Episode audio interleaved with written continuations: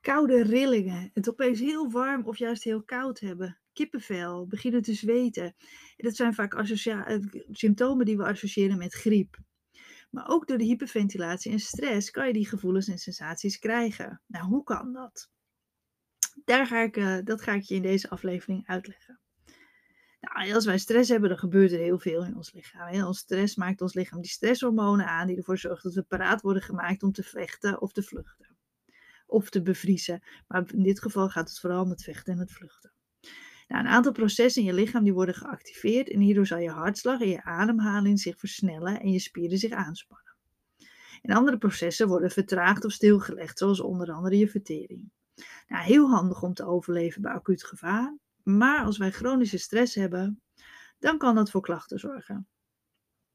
Chronische stress kan komen door bijvoorbeeld een gespannen privésituatie, een baan waarin je niet gelukkig bent, je zorgen maken om een dierbare of bijvoorbeeld omdat je een heel hoog verantwoordelijkheidsgevoel hebt.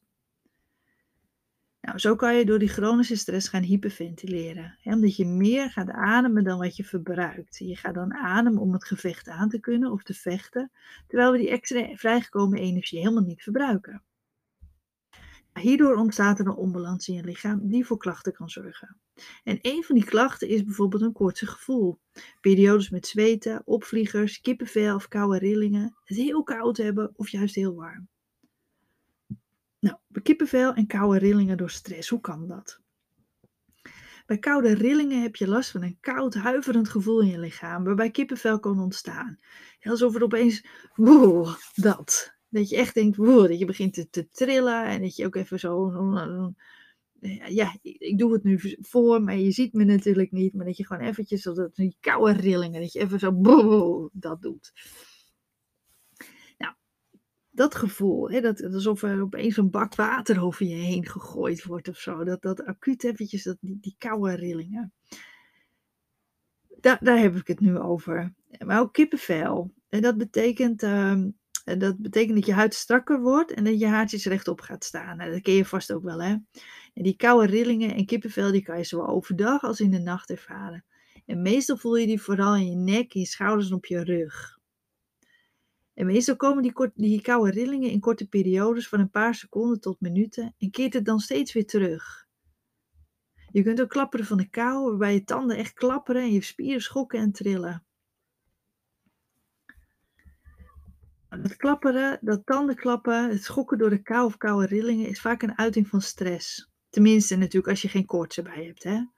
Ik heb het nu echt weer over uitleg hoe dat zit als je stress ervaart.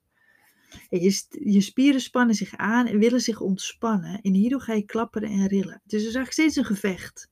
Aanspannen, willen ontspannen. Aanspannen, ontspannen. En die stress zorgt ervoor dat je spieren aanspannen. En je, je, je lichaam wil daarna weer ontspannen. Aanspannen, ontspannen. En dat geeft voor dat, die rillingen en dat klapperen en die, ja, dat, dat, dat, dat, rillen. Ook kan het zijn dat je het steeds maar koud hebt koude handen en voeten of een heel algemeen koud gevoel dat je onder dikke kleding blijft houden. Je kan onder twee dekens leggen en nog steeds heb je het koud. Nou, ook dit kan komen door die stresshormonen. Koude handen en voeten kan je krijgen doordat de adrenaline die vrijkomt bij stress ervoor zorgt dat de bloedvaten in je handen en voeten zich vernauwen. En dat doet je lichaam om energie te besparen, zodat er meer energie in andere delen van je lichaam is om actie te kunnen ondernemen door te vechten of te vluchten.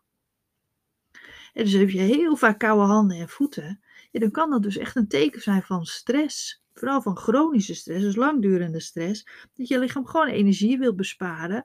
Nou, en dan, is, dan kiezen ze ervoor om dus minder energie naar die handen en voeten te brengen. Nou, een koud gevoel in je lichaam, dat kan dus ook komen door die stresshormonen. Er gaat zoveel energie dus naar die, die uh, delen van je lichaam die nodig zijn om te kunnen vechten vluchten, dat er dan minder energie overblijft om jezelf warm te houden. En als jij gestrest bent, zijn je spieren gespannen. Er is dan minder doorstroming in die bloedvaten, doordat je spieren aangespannen en verkrampt zijn, waardoor vooral dus je handen en je voeten heel koud kunnen zijn. Als je het heel koud hebt, heel vaak heel koud hebt, kan het ook zijn dat je te lage bloedsuikerspiegel hebt bijvoorbeeld. Of dat je schildklier niet goed werkt. Laat het daarom altijd eventjes checken bij de huisarts. naast dat je het heel koud kunt hebben, kun je ook last hebben van hitteaanvallen, zweten en opvliegers. Nou, ook dit heeft enigszins dezelfde oorzaak als het koude gevoel, want als je stress hebt, dan krijg je dus meer adrenaline in je bloed. Dit zorgt ervoor dat die doorbloeding verhoogt en daardoor stijgt die temperatuur. Je doorbloeding wordt verhoogd zodat er meer bloed naar die belangrijke delen gaat om dus dat gevecht aan te gaan of te vluchten, zoals je spieren. Dit zorgt er dan voor dat je het warm krijgt. Om die warmte weer kwijt te raken, ga je bloedvaten wijd open en dan ga je zweten om weer af te koelen. Nou, dat zal je vaak wel herkennen met paniek.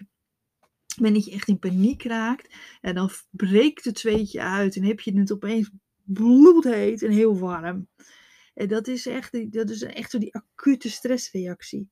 Heb je dus wat last van die, die langdurende stress, dan kan het dus zo zijn dat je het vaak koud hebt.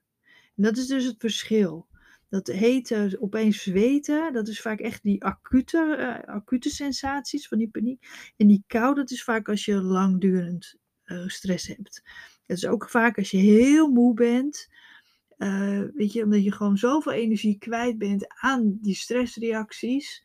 En dan kan het zo zijn dat je lichaam dus gewoon minder energie over heeft om je kachel goed op te stoken. Om, om het gewoon goed warm te hebben.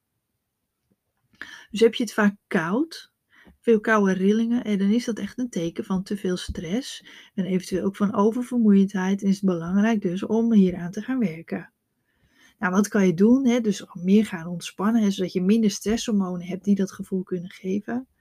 Wat heel belangrijk is, dat je goed gezond eet, zodat je lichaam genoeg energie heeft om je lichaam warm te houden.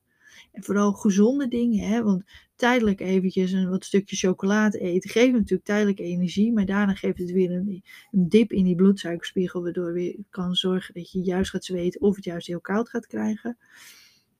Daarnaast is het natuurlijk ook belangrijk dat je voldoende water drinkt, dus zodat je stresshormonen kwijtraakt, maar ook zodat die lichaamsprocessen optimaal kunnen verlopen.